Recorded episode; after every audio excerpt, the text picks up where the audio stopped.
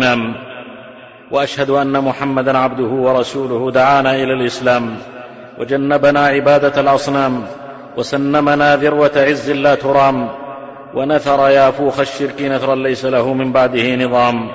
وصلوات الله والسلام ما ناح طير الأيك والحمام على النبي المصطفى البشير الهاشمي المجتبى النذير وآله من بلج الصباح وصحبه ما هبت الرياح.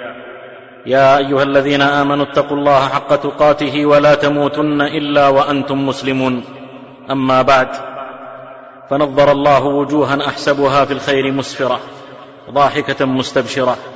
من رآني ورآها واحدا فهو بعينين ومن رآنا اثنين فهو بعين. وبتحية الإسلام أحييكم تحية خالدة ثابتة لازمة تنفي الحروف الجازمة. فالسلام عليكم ورحمة الله وبركاته.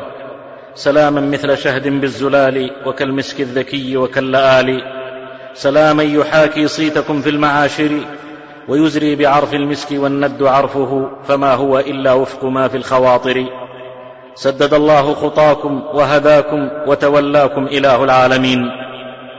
معشر الإخوة لقد شاهدتم وتابعتم كما شاهد العالم كله ذلك الهجوم الصهيوني الهمجي الظالم الجبان على إخوتنا في فلسطين الذي هو في واقع الحال هجوم مستخف بدم كل موحد ودينه وقرآنه وجهاده ومقدساته ففي جبن وخساسة تدك المساجد على المصلين والمشافي على المرضى والمصابين والمدارس على البراعم الآمنين لا فرق بين محارب وغيره.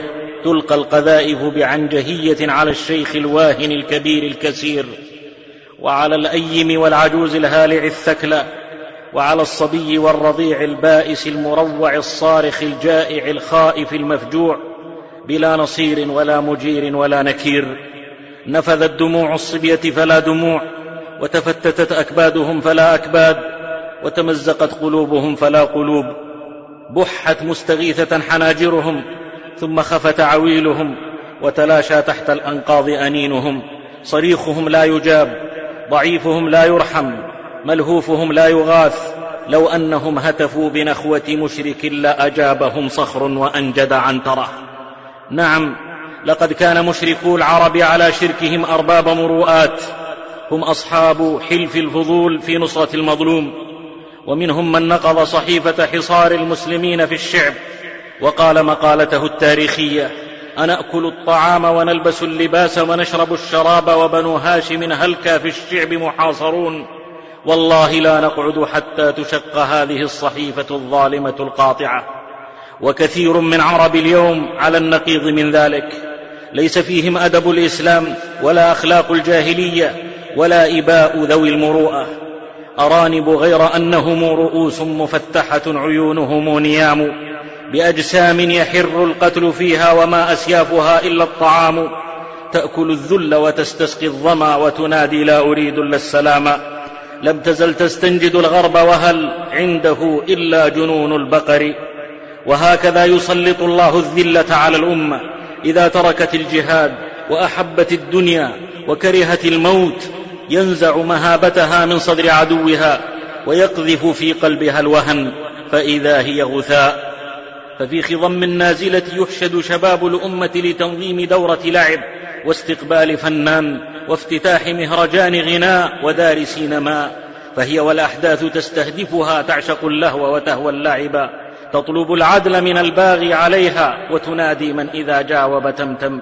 وما ظلمهم الله ولكن كانوا أنفسهم يظلمون. ومع هذه الفواجع والمواجع فهي أمة مرحومة ليس عليها العذاب في الآخرة وعذابها في الدنيا القتل والمصائب والفتن. ولذا بقيت فيها فئة من ورائها أخيار الأمة مجاهدة مرابطة صابرة مصابرة تحمي شرف الأمة ودمها وقدسها وحرماتها. جباهها ما انحنت إلا لخالقها فيما نحسبها.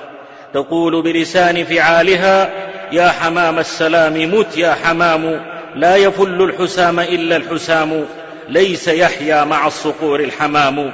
نحن بعنا المليك بيعة صدق وبرئنا ممن يخون ويغدر. على أرضنا سالت دماء زكية وفيها ثوى زيد العوالي وجعفر. فجد بالدم الغالي على كل ذرة فذوب دم الأحرار مسك وعنبر. خذ يا مليك فكلنا من بحر جودك والعطاء. خذ من سويدان قرابين المحبة والولاء. أقبح بكلب أن يهين غضنفرا نحن الرجال ونحن آساد الشرى. يا قوم قد صحت هنالك صفقة بيع النفوس اليوم فالله اشترى. يا سورة الأنفال سوقك قائم. سوق الجهاد اليوم يقذف بالكرى. هذا الزمان زماننا قدرا وإذا الظلام أبى حرقناه. مرحبا بالموت في عز ويا بعد هوان. وقفت للعالم الظالم لما قال بلسان حاله أعل هبل قالت الله أعلى وأجل. ولما قال إخوان القردة والخنازير وقد ركبوا حمير الضالين معنا القوة العظمى ولا عظمى لكم. قالت الله مولانا ولا مولى لكم. مهما فعلتم يا أفاعي فالسقوط معجل فلتنسجوا أكفانكم ولتحملوا ما يحمل فقبوركم في أرضنا وهنا الأماني تقتل. والمسجد الأقصى انتضى السيف الذي لا يجهل. هذا يقين صادق إني لأقسم مقبل. وقفت تقول لمن أصيب في أهله ونفسه وقد دميت كفه وعينه. صبرا جميلا فكلانا مبتلى. يا دامي الكفين والعينين إن الليل زائل. وحبوب سنبلة تموت ستملأ الوادي سنابل. كتب الإله لتغلبن جنوده وجنود عبد الله في سجين. ففروا إلى الله وما النصر إلا من عند الله. إليك ومنك يا رب إليك وإلا لا تشد الركائب. ومنك وإلا فالمؤمل خائب. إلى من وممن إلى من يجيب المضطر إذا دعاه ويكشف السوء وممن يقول ادعوني أستجب لكم وإلى من يقول إني قريب أجيب إليك ومنك فيا فالق الإصباح والحب والنوى ويا قاسم الأرزاق بين العوالم ويا كافل الحيتان في لج بحرها ويا مؤنسا في البر وحش البهائم ويا محصي الأوراق والنبت والحصى ورمل الفلا عدا وقطر الغمائم إليك توسلنا بك اهزم عدونا وطهر ربوع القدس من كل ظالم ودمر أعادينا بسلطانك الذي أذل وأفنى كل عات وغاشم. إليك ومنك يا ابن الإسلام في فلسطين والعالمين لا يغرنك تقلب الذين كفروا في البلاد متاع قليل ثم مأواهم جهنم وبئس المهاد. لكن الذين اتقوا ربهم لهم جنات تجري من تحتها الأنهار خالدين فيها نزلا من عند الله. وما عند الله خير للأبرار. ليس بعد التنزيل يا قوم شك. أثبت النص ما حواه الكلام. يا أمة محمد صلى الله عليه وسلم عموما. ويا أهل فلسطين خصوصا. ويا أهل غزة على وجه أخص لا سواء. قتلانا برحمة الله شهداء في الجنة لا خوف عليهم ولا هم يحزنون. وقتل اليهود ومن ناصرهم في عذاب جهنم خالدون. لا يفتر عنهم وهم فيه مبلسون. إن تكونوا تألمون فإنهم يألمون كما تألمون. وترجون من الله ما لا يرجون. إن مصيبتكم ومصيبتنا في حصار وتجويع وقتل إخواننا وأهلينا في فلسطين مصيبة عظمى وجراح كبرى. نحتسبها جميعا عند الله وما عند الله خير وأبقى.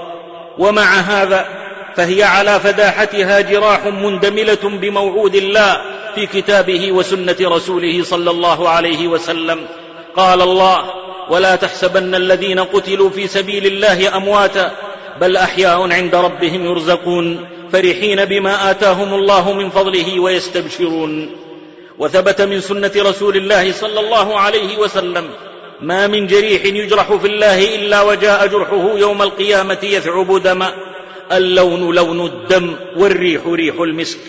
يغفر للشهيد عند أول دفعة من دمه ويرى مقعده من الجنة ويحلى حلة الإيمان ويوضع على رأسه تاج الوقار الياقوتة منه خير من الدنيا وما فيها ويزوج باثنتين وسبعين من الحور العين ويشفع في سبعين من أهل بيته ويجار من عذاب القبر ويأمن الفزع الأكبر ولا يجد من ألم الموت إلا مثل مس القرصى أرواحهم في أجواف طير خضر تسرح في الجنة حيث شاءت ثم تأوي إلى قناديل معلقة في العرش. أمانيهم أن ترد أرواحهم إلى أجسادهم ويعادوا إلى الدنيا ليقتلوا في سبيل الله مرة أخرى.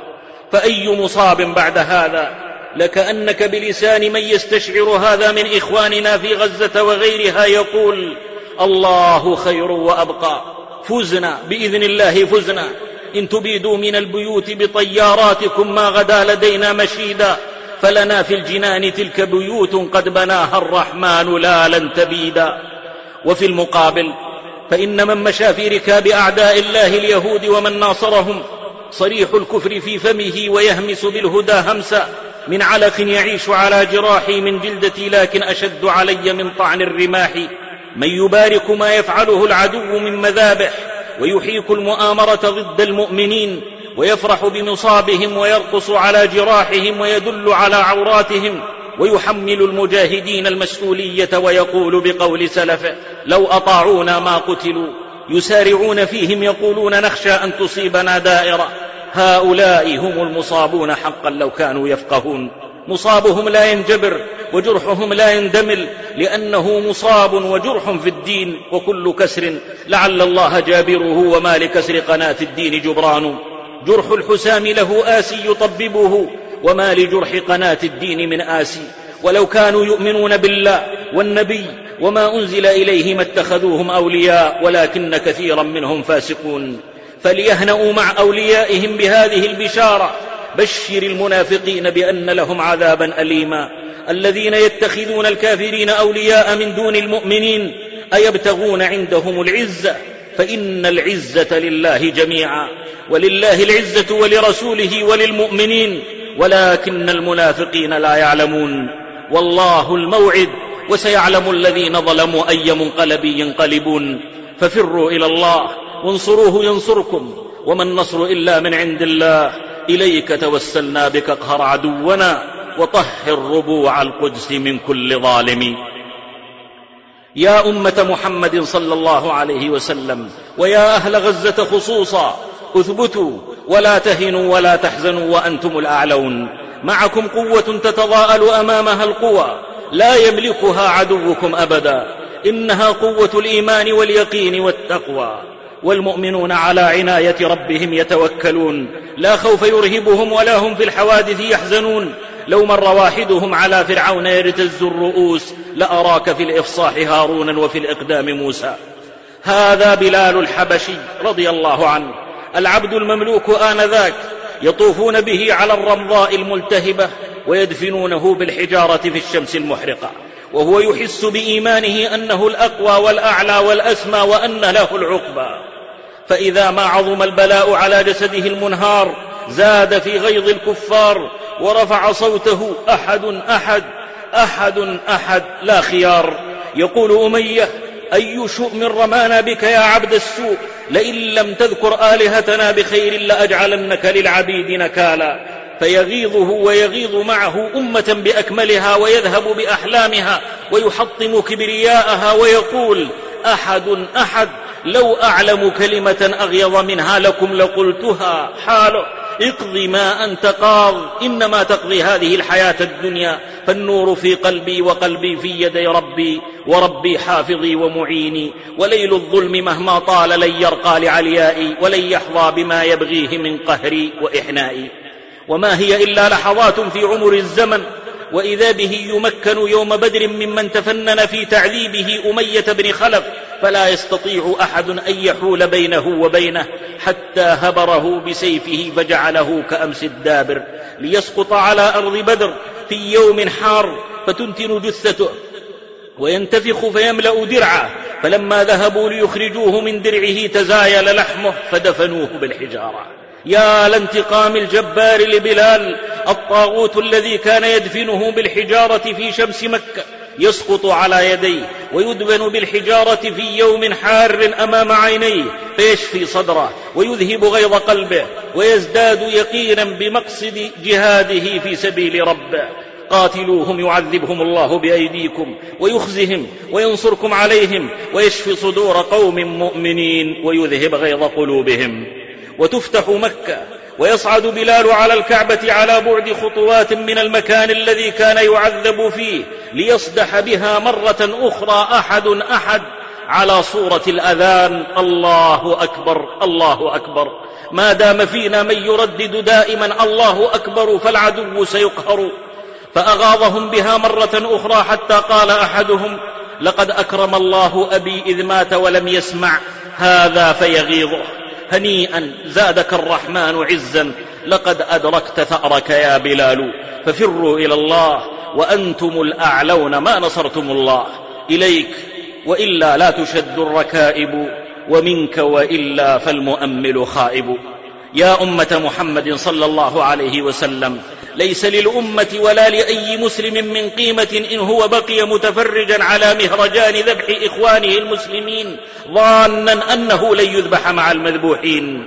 المسلم أخو المسلم لا يخذله ولا يظلمه. من خذل مسلما في موطن يحب نصرته فيه خذله الله في موطن يحب نصرته. إن ترك صدور إخواننا المجاهدين مكشوفة لغارات العدو الصهيوني مع قفل الأبواب والمعابر أمام من يريد أن يغيث ملهوفهم ويواسي مكلومهم. عار عار ستشترك الأمة في دفع ثمنه عاجلا أو آجلا. وإن تجريد الأمة ممن يقف في وجه عدوها الغادر سيفتح الباب لاجتياح أوسع وأفضع وأعظم وأبشع فهل يفهم ذلك المسلمون؟ ساكتهم والناطق. عالمهم والجاهل نائمهم والقاعد والقائم والمجاهد والغالي والجافي كلهم مطلوب رأسه والمصلحة تقتضي التجزئة ولكل دوره. إن من يرجو من الأعداء خيرا مثل راج الطهر في عين النجاسة. والمؤمنون جسد واحد الاعتداء على عضو اعتداء عليه كله. وبنيان واحد الاعتداء على لبنة اعتداء عليه كله. فنحن بيت واحد في الأسى. وفي الهنا نفس لنفس تقي. من يمن الدنيا إلى شامها من مغرب الأرض إلى المشرق. فدار كل مسلم دارنا وإنما غزة من جلق. وإنما بغداد من كابل وإنما صنعاء من المندق. لو كبرت في جموع الصين مئذنة سمعت في الغرب تهليل المصلين. ففروا إلى الله وكونوا يدا على عدوكم. وما النصر إلا من عند الله. إليك توسلنا بك اقهر عدونا. وطهر ربوع القدس من كل ظالم. يا أمة محمد صلى الله عليه وسلم من لم يكن ذا عرنين أشم كان لريح الذل أشم. يا أمة من شرق جاكرتا لأعماق الخليج إلى الصعيد من عمق بغداد الجريح لساحة الأقصى الذبيح. يا أمتي في كل ناحية وحاضرة وبيد النصر لم يحرز بأشباه الرجال ولا العبيد. عدونا مع آلته الضخمة ليس بشيء حين يجد الرجال حقا. ومن أصدق من الله قيلا لأنتم أشد رهبة في صدورهم من الله. لا يقاتلونكم جميعا إلا في قرى محصنة أو من وراء جدر اليهود جبناء ومن طبع الجبان أنه يكون أقوى الأقوياء حينما يرى خصمه ضعيفا مستسلما متخاذلا. ويا هول ما يلقى الخصم الضعيف من الجبان إذا قدر عليه. فكل جبان شجاع الفؤاد.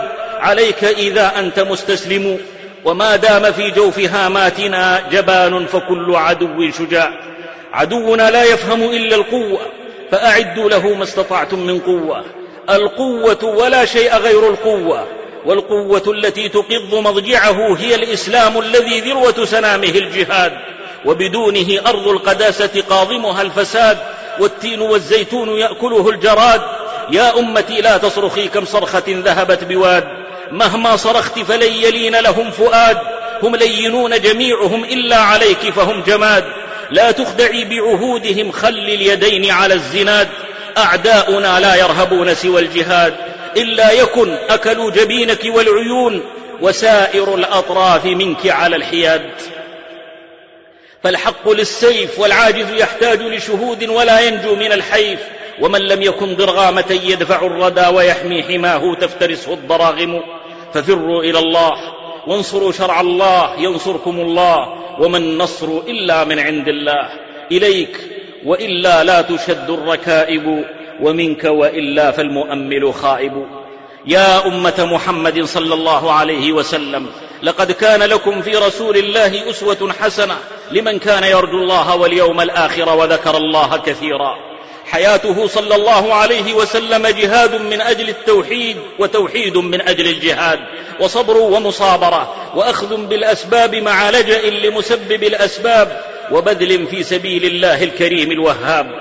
في صحيح مسلم أن إصبعه صلى الله عليه وسلم دميت في بعض المشاهد فقال هل أنت إلا إصبع دميت وفي سبيل الله ما لقيت من سعى في غير حلبته فهو موقوف على التهم في صحيح مسلم من حديث ابن مسعود رضي الله عنه قال بين رسول الله صلى الله عليه وسلم يصلي عند البيت وأبو جهل وأصحاب له جلوس وقد نحرت جزور بالأمس.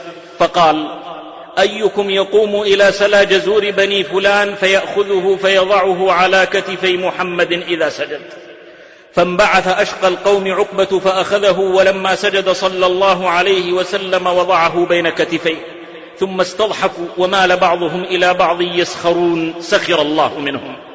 ابن مسعود ينظر يتمزق قلبه حرقة ويقول لو كانت لي منعة لطرحته حاله لا بك السوء ولكن كان بي وبنفسي وبأمي وأبي.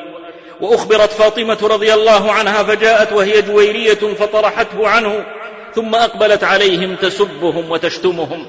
فلما قضى صلاته رفع صوته يدعو عليهم اللهم عليك بقريش اللهم عليك بقريش اللهم عليك بقريش.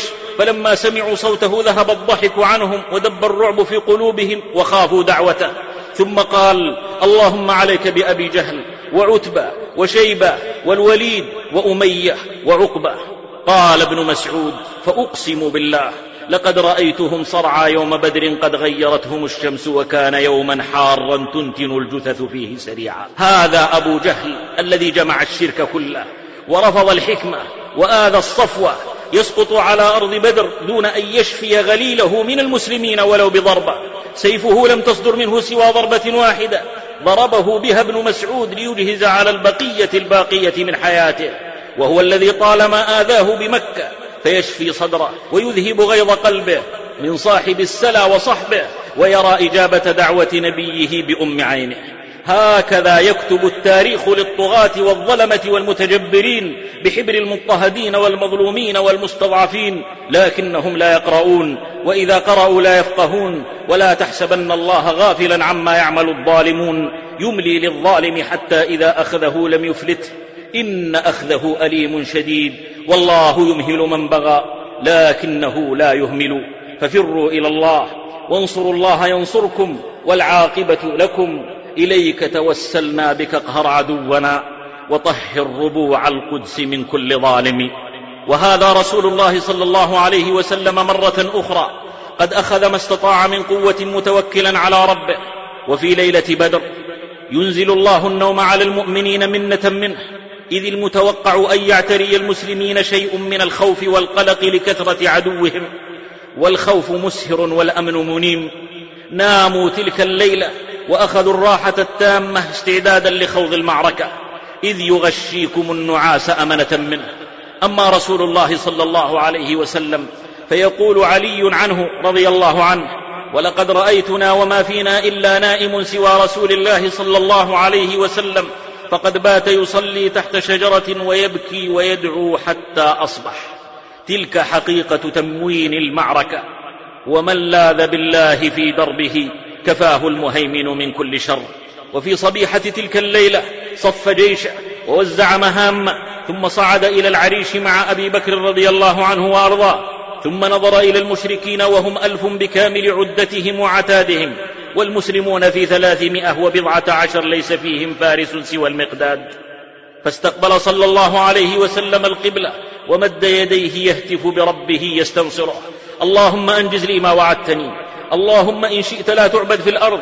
يقول ابن مسعود والله ما سمعت مناشدا ينشد مقالة أشد مناشدة من رسول الله صلى الله عليه وسلم لربه يوم بدر. إذ ما زال يهتف مادا يديه مستقبل القبلة حتى سقط رداؤه من على منكبيه. فأقبل الصديق رقة وإشفاق على رسول الله صلى الله عليه وسلم لما رأى من نصبه وتعبه في الدعاء والتضرع لربه. فالتف حوله في مشهد أبكى كثيرا من الصحابة وضمه ضمة لا يجرؤ على مثلها إلا أبو بكر ومشاعر أبي بكر لا يعبر عنها إلا أبو بكر. رد عليه رداءه وقال يا نبي الله كفاك مناشدتك ربك فإن الله سينجز لك ما وعدك لا يخلف الله وعده. هنا اتصلت قوة الأرض الضعيفة بقوة الله القاهرة العظيمة فاكتسبت قوة الأرض مددا جبارا فصارت قوة لا يمكن الوقوف في وجهها أبدا. لقد تم ربط حبل متين سام بين السماء والأرض طرفه على لسان سيد الأولين والآخرين وطرفه الآخر عند رب العالمين.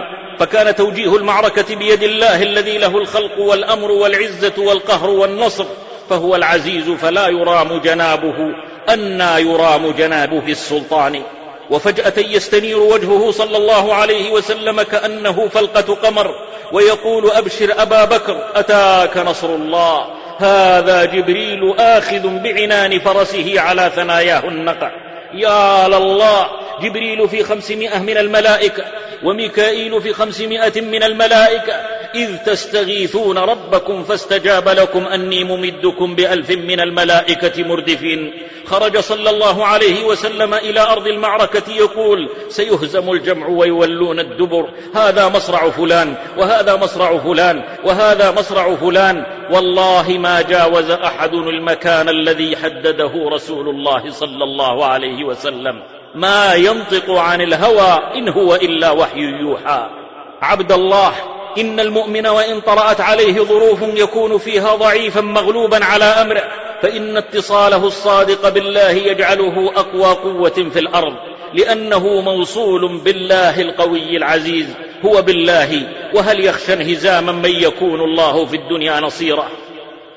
وهاكها صورة من نصر الله لأوليائه في بدر على الفور بينما رجل من المسلمين يشتد في إثر رجل من المشركين إذ سمع ضربة بالصوت فوقه وسمع صوت الفارس أقدم حيزوم فخر المشرك مستلقيا. التفت إليه وقد خطم أنفه وشق وجهه كضربة السوط واخضر كله. فحدث الصحابي رسول الله صلى الله عليه وسلم بذلك فقال صدقت ذاك من مدد السماء الثالثة. فيا لله إن الأمة حين تأخذ بأسباب النصر وتجتنب موانعه تكون أهلا لمدد من في السماء ونصره وتأييده فتشعر أنها ليست وحدها في الميدان وهذا عامل عظيم في تقوية ورفع معنويات المسلمين وتحطيم معنويات الكافرين. إذ مهما قدروا عدد المسلمين سيبقى في قلوبهم رعب من احتمال مشاركة قوى غير منظورة لا يعلمون عددها. ولذا لما عرض أحد زعماء القبائل على المشركين أن يمدهم بعدد وعدة قالوا إن كنا إنما نقاتل الناس فما بنا من ضعف وإن كنا إنما نقاتل الله كما يزعم محمد فما لنا بالله من طاقة. نعم مغالب الله مغلوب ومحاربه محروب وإن عدد الناس أنصارهم فنحن لنا الناصر القاهر. وما النصر إلا من عنده فأعدوا العدة وفروا إلى الله أسوة برسول الله. يا رب إليك وإلا لا تشد الركائب ومنك وإلا فالمؤمل خائب. يتحزب الأحزاب في عشرة آلاف على رسول الله صلى الله عليه وسلم قريش وغطفان بنو سليم بنو أسد بنو أشجع. ويحفر النبي صلى الله عليه وسلم الخندق ويتسلل المنافقون كالجرذان. وتنقض اليهود وتنكث العهود وسيطر الخوف على كل شبر في المدينة واشتد البرد والجوع مع الخوف على أهل المدينة وصار الحال كما وصفه الكبير المتعال إذ جاءوكم من فوقكم ومن أسفل منكم وإذ زاغت الأبصار وبلغت القلوب الحناجر وتظنون بالله الظنون هنالك ابتلي المؤمنون وزلزلوا زلزالا شديدا. في تلك الساعات الحرجة العصيبة نرى رسول الله صلى الله عليه وسلم يستشرف النصر من بعيد ويراه رأي العين في ومضات الصخر وهو يضربه بالمعول. يضرب الضربة الأولى فتومض إيماضة نحو الشام. الله أكبر! أوتيت مفاتيح الشام إني لأرى قصورها الحمر. يضرب الثانية وتومض إيماضة نحو المدائن. الله أكبر! أوتيت مفاتيح المدائن إني لأرى قصورها البيض. يضرب الثالثة تومض إيماضة نحو اليمن. الله أكبر. أوتيت مفاتيح اليمن لكأني أنظر إلى أبواب صنعاء من مكاني هذا. يحدث حديث الواثق المطمئن لموعود الله. حديثا أثار أرباب النفاق فقالوا يعدنا كنوز كسرى وقيصر وأحدنا لا يأمن أن يذهب للغائط. ما وعدنا الله ورسوله إلا غرورا. وأما المؤمنون الذين تسلحوا بالإيمان فعندهم وعد بنصر قريب حين تشتد الكروب. وهو قول الله أم حسبتم أن تدخلوا الجنة ولما يأتكم مثل الذين خلوا من قبلكم مستهم البأساء والضراء وزلزلوا حتى يقول الرسول والذين آمنوا معه متى نصر الله ألا إن نصر الله قريب. ولذا ولما رأى المؤمنون الأحزاب قالوا هذا ما وعدنا الله ورسوله. وصدق الله ورسوله وما زادهم إلا إيمانا وتسليما. أما رسول الله صلى الله عليه وسلم فقد أخذ بالأسباب وتوجه إلى مسبب الأسباب. اللهم منزل الكتاب سريع الحساب اهزم الأحزاب. وعلى الفور يجاب أنزل الله ريحا وجنودا لم تروها. أطفأت نارهم وقلبت قدورهم واقتلعت خيامهم وملأت بالتراب أعينهم وأنوفهم وأفواههم الرعب تملكهم تفرق جمعهم انهارت أحلامهم هلك الخف مع كراعهم وقال في غاية الهزيمة قائدهم ما هذا بمقام ارتحلوا فإني مرتحل ورد الله الذين كفروا بغيظهم لم ينالوا خيرا. وكفى الله المؤمنين القتال وكان الله قويا عزيزا. وأنزل الذين ظاهروهم من أهل الكتاب من صياصيهم وقذف في قلوبهم الرعب. فريقا تقتلون وتأسرون فريقا. وأورثكم أرضهم وديارهم وأموالهم وأرضا لم تطئوها. يا أمة محمد صلى الله عليه وسلم. ويا أهل فلسطين خصوصا. نحن اليوم في مثل نازلة الأحزاب بملابساتها وسماتها فلا ينقصنا أسوة برسولنا اليقين بأن العاقبة لنا. فلتهدأ النفوس ولنتجاوز ألم اللحظة الضيق الكئيب إلى أفق المستقبل الفسيح والمستقبل للإسلام وأهله. وعد الله لا يخلف الله وعده ولكن أكثر الناس لا يعلمون. وكان حقا علينا نصر المؤمنين. يا أمة محمد صلى الله عليه وسلم مصباحنا سماوي لن يطفئ نوره. ملء الأرض من أبي لهب وحيي بن أخطب وابن سبأ وابن أبي وكل طاغوت. هيهات هيهات. الله متم نوره ولو كره الكافرون. ففروا إلى الله وانصروا شرع الله وما النصر إلا من عند الله. والزموا هدي رسول الله من يطع الرسول فقد أطاع الله. فكن في اتباع المصطفى مثل عصبة وراء خبير في ملغم بقعة فمن ينحرف يرد ومن يتبع يفز وبين الردى والفوز زح بخطوة. ومن ينحرف عن خط سير محمد يصر في يد الشيطان مثل البهيمة. ولا تحسبن السير خلف محمد كرحلة صيد أو كمشوار نزهة. يا رب إليك توسلنا بك اهزم عدونا وطهر ربوع القدس من كل ظالم.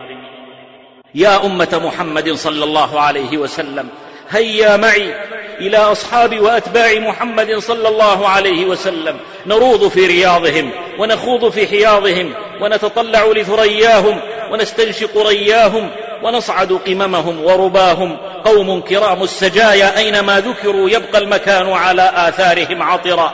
لا يصبرون على ضيم يحاوله باغ من الإنس أو طاغ من الجان ولا يبالون إن كانت قبورهم ذرى الشوامخ أو أجواف حيتان. هذا خالد سيف الله أبو سليمان فارس الإسلام ليث المشاهد أسد تصير له الأسود ثعالبا وعامل بالجر قد تسلطا على الذي في كفره تخبطا. في حروب الردة حمل عليه أربعون غلاما جلدا من طي. فاقتحم وسطهم وأحاطوا به. فنادى منادي طي يا خالد عليك بجبلي سلمى وأجا. فقال وهو أمنع من عقاب الجو وأحمى من جبهة الأسد ما مضمونه؟ لا إلى سلمى ولا إلى أجا بل إلى الله الملتجى حسبي الله وكفى. ثم حمل عليهم واحدا تلو الآخر حتى لم يبق من الأربعين واحدا. لم تغن عنهم سيوف الهند مصلتة لما أتتهم سيوف الواحد الصمد. إن جبهة معها الله لا تنكسر ولو اجتمع عليها الجن والبشر. من اتقى الله فأسد الشرى لديه مثل الأكل بالعاوية. ففروا إلى الله وسلفكم سيف الله وما النصر إلا من عند الله. إليك وإلا لا تشد الركائب ومنك وإلا فالمؤمل خائب. ويبعث رسول الله صلى الله عليه وسلم بعد أحد بعثا يكون له عينا في بضعة نفر أمر عليهم عاصم بن ثابت رضي الله عنه وعنهم. فانطلقوا حتى إذا كانوا بين عسفان ومكة ذكروا لحي من هذيل يقال لهم بنو لحيان. فتبعوهم بقريب من مئة رام واقتفوا أثرهم حتى لحقوهم فلجأ عاصم وصحبه إلى فدفد الرابية وامتشق حسامه وامتشقوا سيوفهم فقالوا إنا لا نريد قتلكم ولكنا نريد أن نصيب بكم شيئا من أهل مكة إن نزلتم وسلمتم لنا والله لا نقتل منكم رجلا لكم على ذلك عهد الله وميثاقه وأكذب ما يكون أبو المخازي إذا آلى يمينا بالطلاق. فقال عاصم أما أنا فلا أنزل في ذمة مشرك أبدا فلا أقبل منه عهدا ولا عقدا. وارتجز يقول ما علتي وأنا جلد نابل والقوس فيها وتر عنابل والموت حق والحياة باطل. وما قضى الإله فهو نازل إن لم أقاتلكم فأمي هابل إن لم أقاتلكم فأمي ثاكل.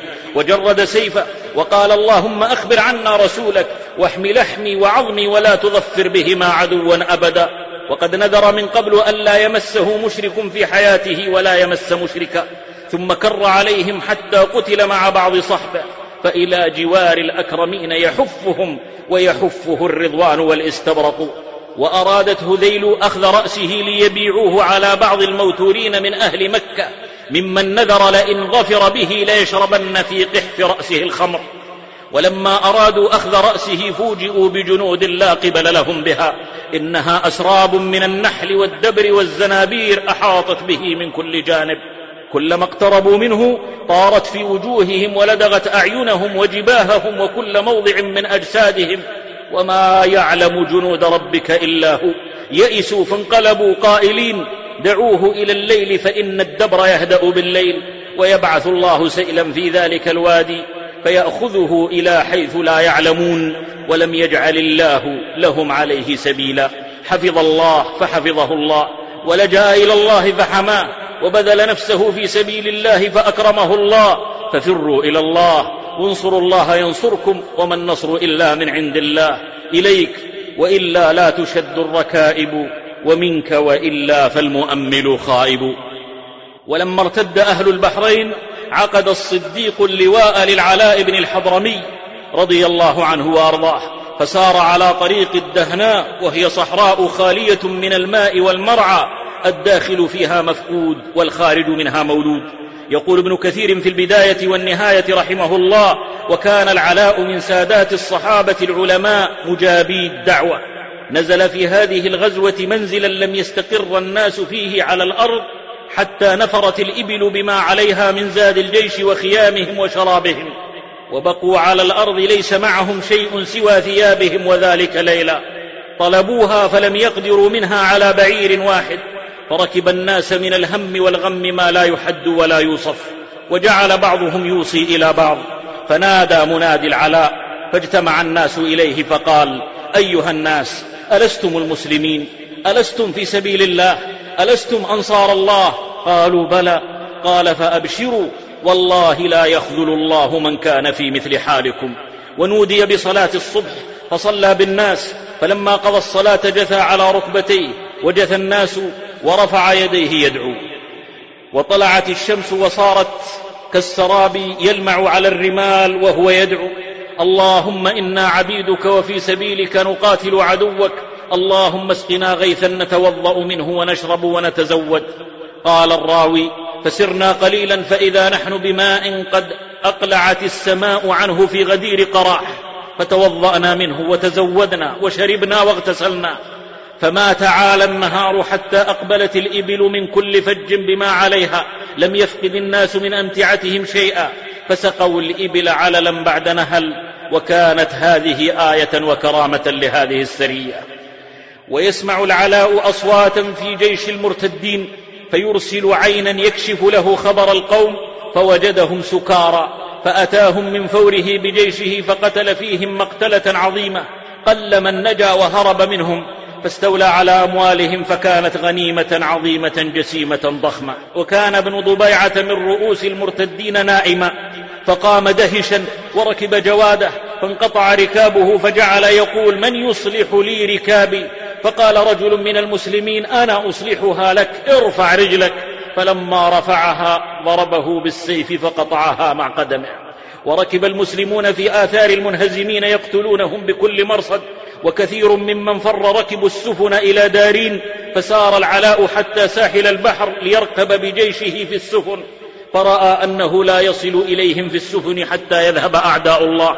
وفي يقين وثقة بالله قال يا علي يا عظيم يا حليم يا كريم إنا عبيدك نقاتل في سبيلك من كفر بك. اللهم اجعل لنا في هذا البحر إليهم سبيلا. أجيزوا على اسم الله. ثم اقتحم بفرسه البحر فاقتحموا وراءه فأجاز بهم الخليج يمشون على ظهر الماء. لا يغمر أخفاف الإبل حتى فجأهم هناك وقتلهم واستاق الذراري والأنعام والأموال. وعاد مرة أخرى والماء ما يبل حوافر الدواب. وإن عفيف بن المنذر يقول وهو على وجه الماء ألم تر أن الله ذلل بحره وأنزل بالكفار إحدى الجلائل دعونا إلى فلق البحار فجاءنا بأعجب من فلق البحار الأوائل. هكذا يا أمة محمد صلى الله عليه وسلم لما نصرت الأمة دين الله ركبت البحر غازية فاتحة فكان لها عرض.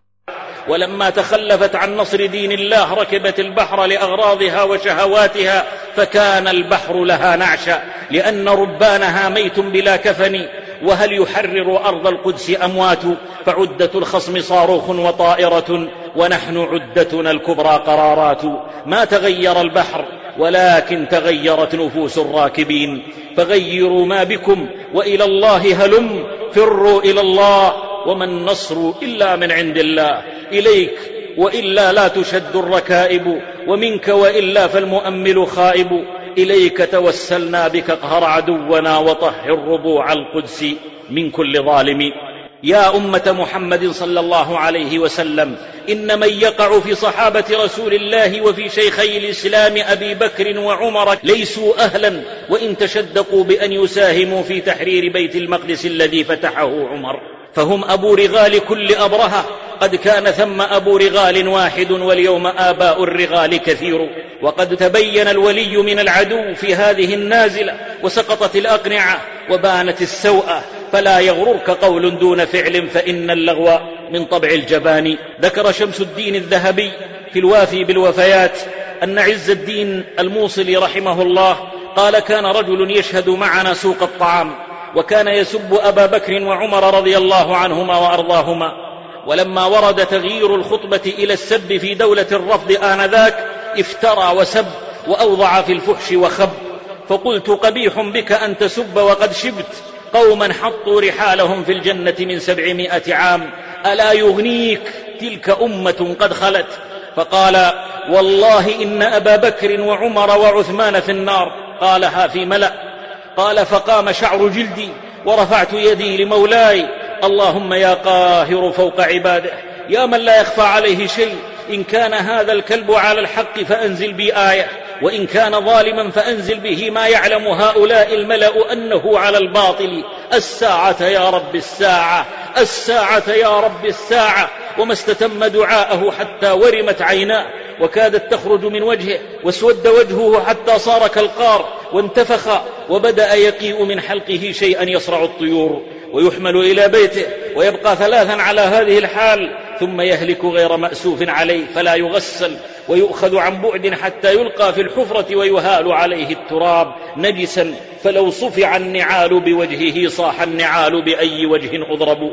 نعوذ بالله من مصير الفجار من جعلوا غرضهم الصحابة الأبرار. يا رب ثبتنا على الإيمان ونجنا من سبل الشيطان. نسألك اللهم حسن الخاتمة فهي وربي لحظات حاسمة.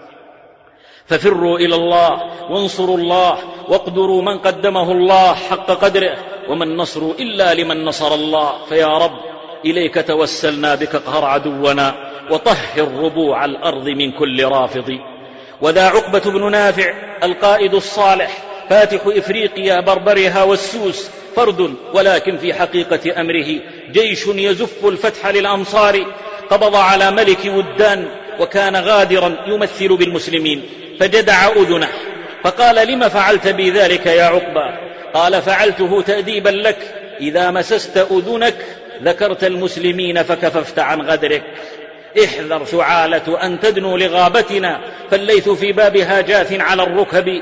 لقد عثرت بجنح الليل رجلي على شخص ولم يك في حسابي. فقال مجاوبا لي أنت أعمى. فقلت نعم ودواس الكلاب. أدرك عقبة أهمية بناء مدينة تكون قاعدة حربية ومنارة دعوية ومنطلقا للفتح الإسلامي في الشمال الإفريقي. فاختار المكان في منطقة مليئة بالوحوش والهوام. فقال رجاله هذه غياض لا ترام نخشى على أنفسنا من دواب الأرض. وكان في عسكره ثمانية عشر صحابيا وسائره من التابعين. فجمعهم جميعا وقدم الصحابة وقال إني داع فأمنوا. ودعا طويلا وهم يؤمنون. ثم وقف على طرف الغيضة في ثقة ويقين بنصر رب العالمين مخاطبا دواب الأرض قائلا أيتها الحيات والسباع والدواب نحن أصحاب رسول الله صلى الله عليه وسلم. ارتحلوا عنا فإنا نازلون. من وجدناه قتلناه ويسمع الله تلك الدواب كلامه ويسخرها لجنده. ففي مشهد لم ير مثله السباع تحمل أشبالها والذئاب تحمل جراءها والحيات تحمل أولادها وعقبة يقول كفوا عنها حتى ترتحل. فما حجر ولا شجر ولا مدر إلا وقد خرج ما تحته وما حوله والناس تنظر. هكذا يصبح الكون مسخرا للمؤمنين حين يصدقون في لجائهم لله رب العالمين. بنى القيروان في خمس سنوات وبنى بها جامعا كان ملتقا للعلماء والمرابطين ثم جمع أولاده وقال يا بني إني بعت نفسي من الله لا أزال أقاتل من كفر بالله فعليكم سلام الله لا أراكم تروني بعد يومي هذا والموعد الله. ففاضت أعينهم بالدمع عليه كأن الجفون على المقلتين ثياب شققن على ثاكل. انطلق رحمة الله عليه فاتحا جنديا مرة وقائدا أخرى حتى خاض بأقدام فرسه في أطراف المحيط الأطلنطي. قد بذل ما في وسعه واستفرغ جهده ثم قال يا رب والله لولا هذا البحر لمضيت أجاهد في سبيلك من كفر بك حتى لا يعبد في الأرض أحد دونك. اللهم اشهد اللهم اشهد ويغدر به البربر فيسقط شهيدا بإذن ربه سنة ثلاث وستين بعد جهاد دام أربعين عاما. شهد فيها بفعاله أن دين الله أغلى عليه من حياته. يا رب فارحمه وضاعف أجره أغدق عليه بفضلك المدرار. يا ابن الإسلام عموما ويا ابن الإسلام في غزة والثغور إذا غلقت عليك المعابر والأبواب وأجلبت عليك كلاب الأرض ووحوشها وعقاربها وحياتها وجراؤها وجرذانها فأبواب السماء مفتوحة لا تغلق ففروا إلى الله إلى من يجير ولا يجار عليه وما النصر إلا من عند الله. إن تنصروا الله ينصركم. إليك إليك توسلنا بك اهزم عدونا وطهر ربوع القدس من كل ظالم. عبد الله وإن نسيت فلا أنسى متفائلا ما ذكر المؤرخون في رمضان في يوم جمعة وعلى مشارف غزة من أن الجيش الإسلامي بقيادة القائد المظفر قطز يواجه جحافل التتار الغزاة. وينتظر القائد وقت صلاة الجمعة ليباشر قتال أعدائه وخطباء المسلمين على المنابر يعجون مع المسلمين إلى الله بالدعاء أن يؤيدهم وينصرهم.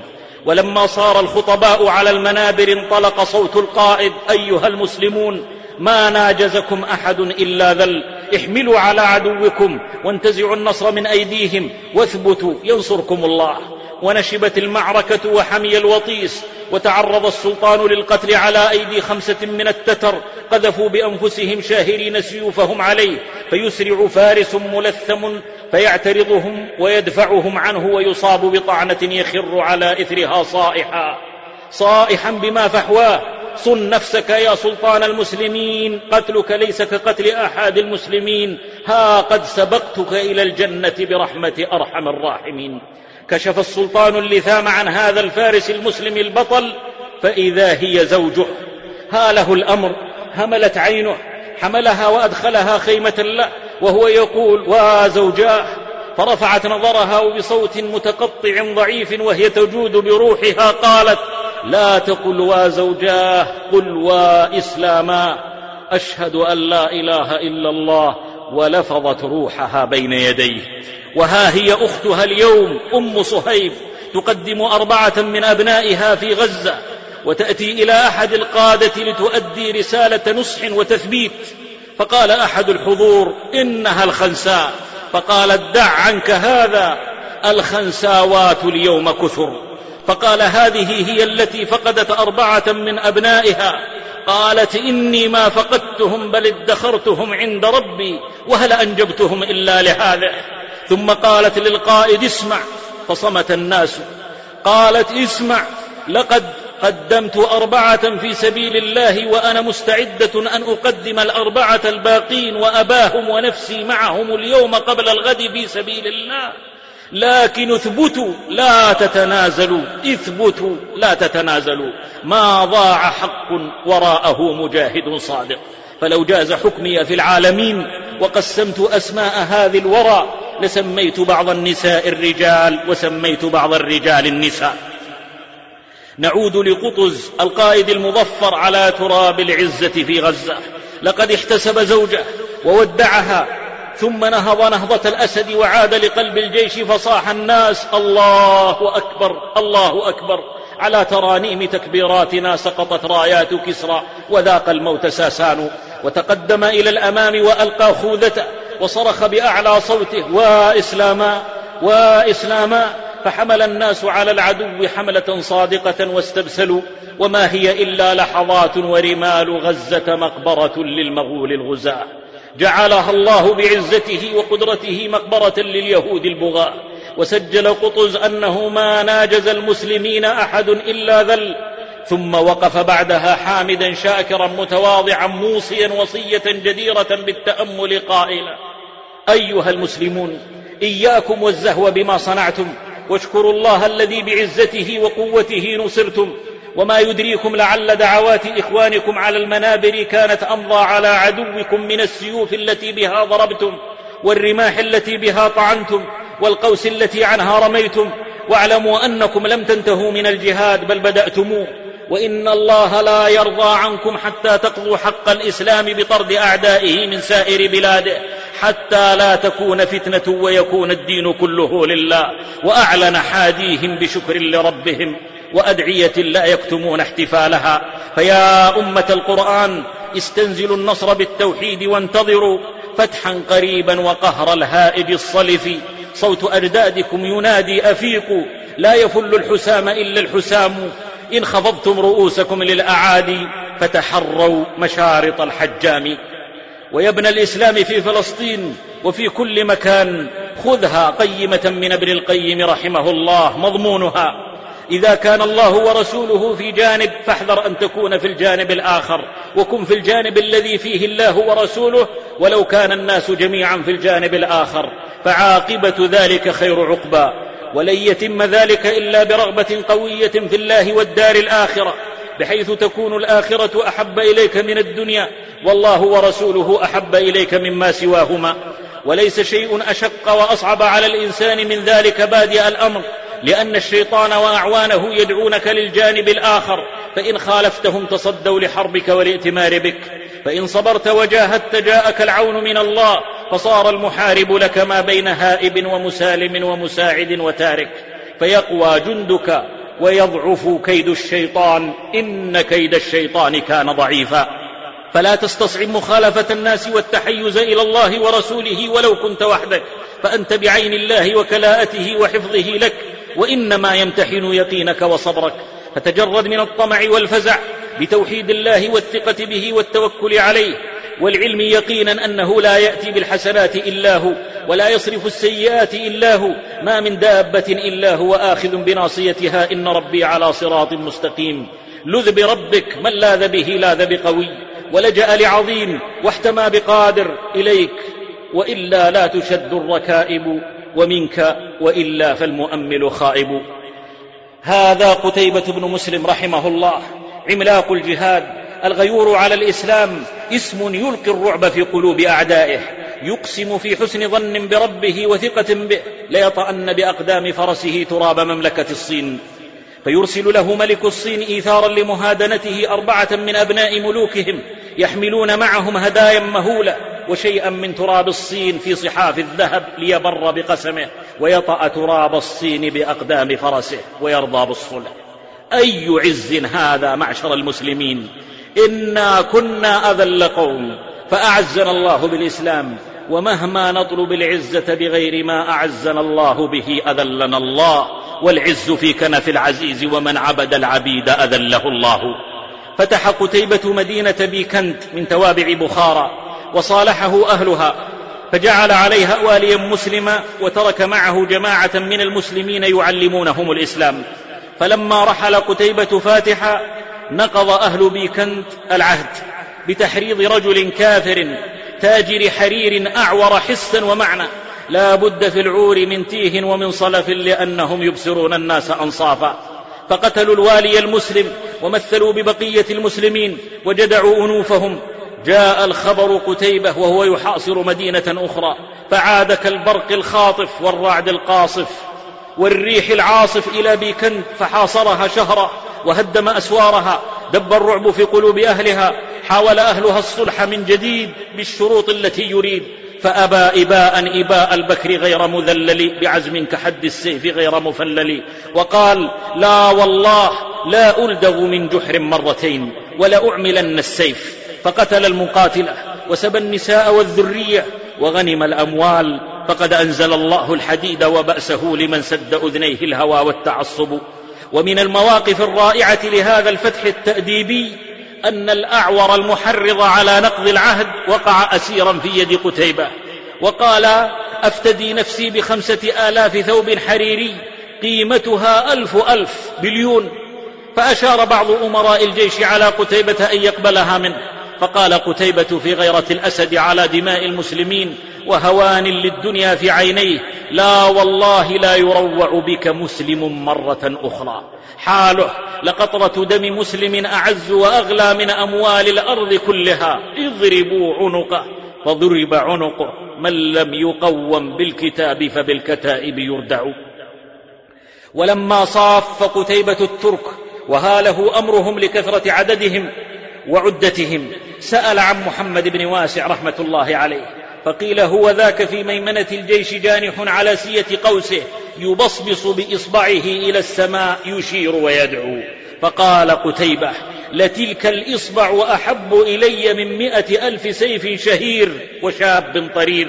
ألا ما أحوج الأمة اليوم في نوازلها المتتابعة إلى مثل إصبع محمد بن واسع تستنزل نصر الله ومدده وعونه؟ ما أحوجها لخفي تقي ضعيف متضعف أشعث أغبر لا يؤبه له. لو أقسم على الله لأبره. هذا خبيب رضي الله عنه يقدم للقتل وعلى خشبة الصلب يقطع جسده الطاهر قطعة تلو قطعة ولم ينس أن يقدم لدينه خدمة في تلك اللحظة الحرجة برفع يديه إلى مولاه اللهم أحصهم عددا واقتلهم بددا ولا تغادر منهم أحدا. فيا ويح السالم المعافى الضان على دينه ولو برفع يديه كما رأيناه من بعض أئمة المساجد في هذه النازلة. هداهم الله. وإن كانوا قلة بحمد الله. الدعاء عبادة وسلاح ماض وعدة عتيدة في كل مدلهمة ما أحوجنا إلى آلاف آلاف آلاف الأكف الطاهرة ترفع في الثلث الأخير من كل ليلة تستنزل المعونة والنصر ممن يملكه. وتصوروا كيف يكون حال المسلمين لو كان بينهم من لو أقسم على الله لأبر ولن تخلو برحمة الله ومنه. من كان يألم لمصاب إخوانه في فلسطين والعالمين ويريد أن ينصرهم فلينصر شرع الله في بيته أولا. ثم برفع يديه تائبا نادما متحريا لقمة الحلال في كسبه مستشعرا رقابة الله عليه في سره وعلنه. إن أمة قيام ليلها على ما تبثه القنوات النكرات من مخالفات ومنكرات ليست أهلا أن تنصر أحدا أو أن تنتصر على جبناء اليهود. ويبضات إنما يتقبل الله من المتقين ذاك قضاء رب العالمين. فادعوا ربكم تضرعا وخفيا. لا يرد القضاء إلا الدعاء. وخذوا بأسباب الإجابة. واحذروا موانع قبول الدعاء. وفروا إلى الله. إن تنصروا الله ينصركم ويثبت أقدامكم. وإن تتولوا يستبدل قوما غيركم ثم لا يكونوا أمثالكم. فيا رب هل إلا بك النصر يرتجى عليهم؟ وهل إلا عليك المعول؟ إليك توسلنا بك اهزم عدونا. وطهر ربوع الأرض من كل ظالم. يا أمة محمد صلى الله عليه وسلم ويا أهل فلسطين خصوصا لا تحسبوه شرا لكم. النازلة على فداحتها بحكمة الله ميزت الصفوف ومحصت المؤمنين وعرفتهم بثغرات تحول بينهم وبين النصر والتمكين وليمحص الله الذين آمنوا ويمحق الكافرين. ظهر المنافقون المندسون في الصفوف وفوضحوا بتواطؤهم الفاضح مع اليهود على المجاهدين. وتعرف المجاهدون على أن دعاة إحلال السلام واهمون مغالطون. وأن الحوار مع من لا يعرف إلا الذبح فلا يرحم طفلا ولا شيخا ولا يرقب في مؤمن إلا ولا ذمة محال. ومن رحمة الله في هذه النازلة أن حركت العزائم وألهبت حماس الأمة المسلمة لجهاد الكفرة من يهود في كل قصبة. وأثبتت أنه لا حل مع المعتدين الظالمين إلا بالجهاد في سبيل الله رب العالمين. فالحقوق لا تتسول برفع الأيدي والأرجل والمسكنه وأي قوة مهما تجبرت وتغطرست فدواؤها الشافي عندنا وسمها الزعاف في عزائمنا وما يوم حليمة بسر. وعسى أن تكرهوا شيئا وهو خير لكم. وصدق الله وكذب اليائسون. فيا رب إليك وإلا لا تشد الركائب ومنك وإلا فالمؤمل خائب. أخيرا معشر الإخوة إن المعركة معركة عقيدة والخصوم لا ينقمون منا إلا الإيمان ومقتضيات الإيمان. يقول بيريز لن نطمئن على مستقبلنا حتى يغمد سيف الإسلام إلى الأبد. فهم يعرفون خصمهم جيدا والله جل وعلا يقول ولا يزالون يقاتلونكم حتى يردوكم عن دينكم إن استطاعوا. ولن ترضى عنك اليهود ولا النصارى حتى تتبع ملتهم. لتجدن أشد الناس عداوة للذين آمنوا اليهود والذين أشركوا. ودوا لو تكفرون كما كفروا فتكونون سواء. إن يثقفوكم يكونوا لكم أعداء. ومع هذا قضى الله تعالى. لن يضروكم إلا أذى. لن يضروكم إلا أذى. وإن تصبروا وتتقوا لا يضركم كيدهم شيئا. إن الله مع الذين اتقوا والذين هم محسنون. وإن رحمة الله قريب من المحسنين. رحمة الله لا تعز على متق صابر. وجدها إبراهيم في النار حين قال حسبي الله ونعم الوكيل. قلنا يا نار كوني بردا وسلاما على إبراهيم. وجدها يوسف في الجب. وأوحينا إليه لتنبئنهم بأمرهم هذا وهم لا يشعرون. ثم وجدها في قصر العزيز. حين غلقت عليه امرأة العزيز الأبواب وقالت هيت لك فما ضره أن غلقت أبواب الأرض يوم فتحت له أبواب السماء؟ قال معاذ الله فعصمه الله. ثم وجدها في السجن إنك اليوم لدينا مكين أمين. قال اجعلني على خزائن الأرض إني حفيظ عليم. وكذلك مكنا ليوسف في الأرض يتبوأ منها حيث يشاء. نصيب برحمتنا من نشاء. وجدها موسى وهو طفل رضيع في اليم فألقيه في اليم ولا تخافي ولا تحزني إنا رادوه إليك وجاعلوه من المرسلين. ثم وجدها في قصر فرعون الذي قتل من أجله الآلاف فإذا هو يربيه ويغذوه قرة عين لي ولك لا تقتلوه عسى أن ينفعنا أو نتخذه ولدا وهم لا يشعرون. وجدها يونس في بطن الحوت يوم نادى لا إله إلا أنت سبحانك إني كنت من الظالمين. فاستجبنا له ونجيناه من الغم وكذلك ننجي المؤمنين. وجدها أهل الكهف في الكهف وما افتقدوها في القصور والدور. فأووا إلى الكهف ينشر لكم ربكم من رحمته ويهيئ لكم من أمركم مرفقا. وجدها محمد صلى الله عليه وسلم في الغار والقوم يتعقبون الآثار. ما ظنك يا أبا بكر باثنين الله ثالثهما؟ لا تحزن إن الله معنا. وجدها كل من آوى إلى الله يائسا من كل ما سواه منقطعا عن كل شبهة في قوة ومظنة في رحمة قاصدا باب الله وحده وقد تعرف عليه في رخائه قبل الشدة.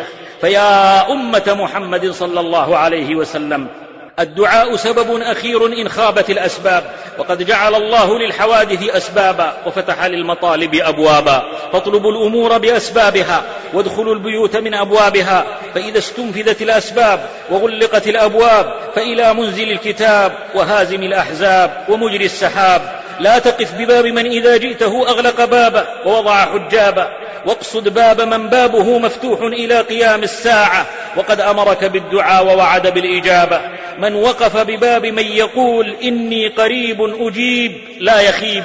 وإنا لندعو الله نسأل نصره ونوقن أن الله يعلي وينصر. لئن عظم الناس العدو فإنهم وإن عظموا في قوة الله يصغروا فالجئي لله يا أمتنا فاز من كان إلهي ملجأه. اللهم انصر دينك وكتابك وسنة نبيك وعبادك المؤمنين وأعز الإسلام والمسلمين ودمر الكفرة والمشركين وانصر عبادك المجاهدين. اللهم عليك بالظالمين من يهود ومنافقين. اللهم عليك باليهود ومن ناصرهم. اللهم عليك باليهود ومن ناصرهم. اللهم عليك باليهود ومن ناصرهم. اللهم عليك بأولمرت وباراك وبيريز ولفني ولبرمان ونتنياهو وجميع الظالمين. إنهم لا يعجزونك. اللهم احصهم عددا واقتلهم بددا ولا تغادر منهم أحدا. اللهم منزل الكتاب سريع الحساب هازم الأحزاب اهزمهم وزلزلهم. يا قوي يا عزيز. اللهم كن لاخوتنا المجاهدين والمستضعفين والمظلومين في فلسطين والعالمين. اللهم أفرغ عليهم صبرا وثبت أقدامهم وانصرهم على القوم الكافرين. اللهم أنزل عليهم من الصبر أضعاف ما نزل بهم من البلاء. يا سميع الدعاء. يا من أجبت دعاء نوح فانتصر. وحملته في فلكك المشحون. يا من أحال النار حول خليله روحا وريحانا بقولك كوني يا من أمرت الحوت يلفظ يونس وسترته بشجيرة اليقطين. يا رب إنا مثله في كربة فارحم عبادا كلهم ذنون. يا رب إنا مثله في كربة فارحم عبادا كلهم ذنون. إليك وإلا لا تشد الركائب ومنك وإلا فالمؤمل خائب. وفيك وإلا فالكلام مضيع وعنك وإلا فالمحدث كاذب. إليك توسلنا بك اقهر عدونا وطهر ربوع الأرض من كل ظالم. وآخر دعوانا أن الحمد لله رب العالمين. وسبحانك اللهم وبحمدك أشهد أن لا إله إلا أنت أستغفرك وأتوب إليك. لا تدمعي يا غالية دمعك جرح خدي. خلي راياتك عالية عازندك وزندي. لا تدمعي يا غالية دمعك جرح خدي. خلي راياتك عالية عازندك وزندي. خليها تعلى فوق تكسر يا غزة الطوق خليها تعلى فوق تكسر يا غزة الطوق للجنة فيها شوق لا تحزني بعدي. للجنة فيها شوق لا تحزني بعدي. لا تحزني بعدي. هاج البحر وشراعي فوق السفينة ظل. يا غزة. يا غزة لا تنصاعي ردي ردى المحتل. يا غزة. هاج البحر وشراعي فوق السفينة ظل. يا غزة. يا غزة لا تنصاعي ردي ردى المحتل. يا غزة. مهما تزيد اوجاعي والله ما بنذل. مهما تزيد اوجاعي والله ما بنذل.